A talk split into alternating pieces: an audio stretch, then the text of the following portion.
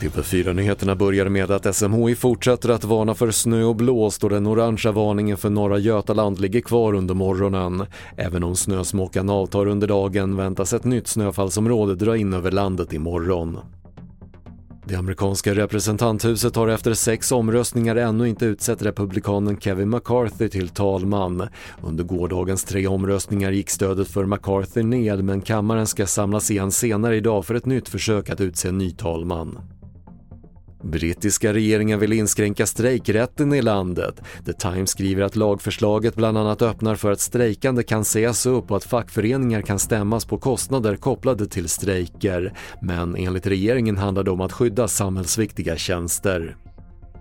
Och Sverige missar finalen i JVM i ishockey efter förlängningsförlust i semin mot Tjeckien igår med 2-1. Juniorkronorna möter USA i bronsmatchen ikväll innan Tjeckien ställs mot Kanada i finalen. Fler nyheter på TV4.se. Jag heter Patrik Lindström.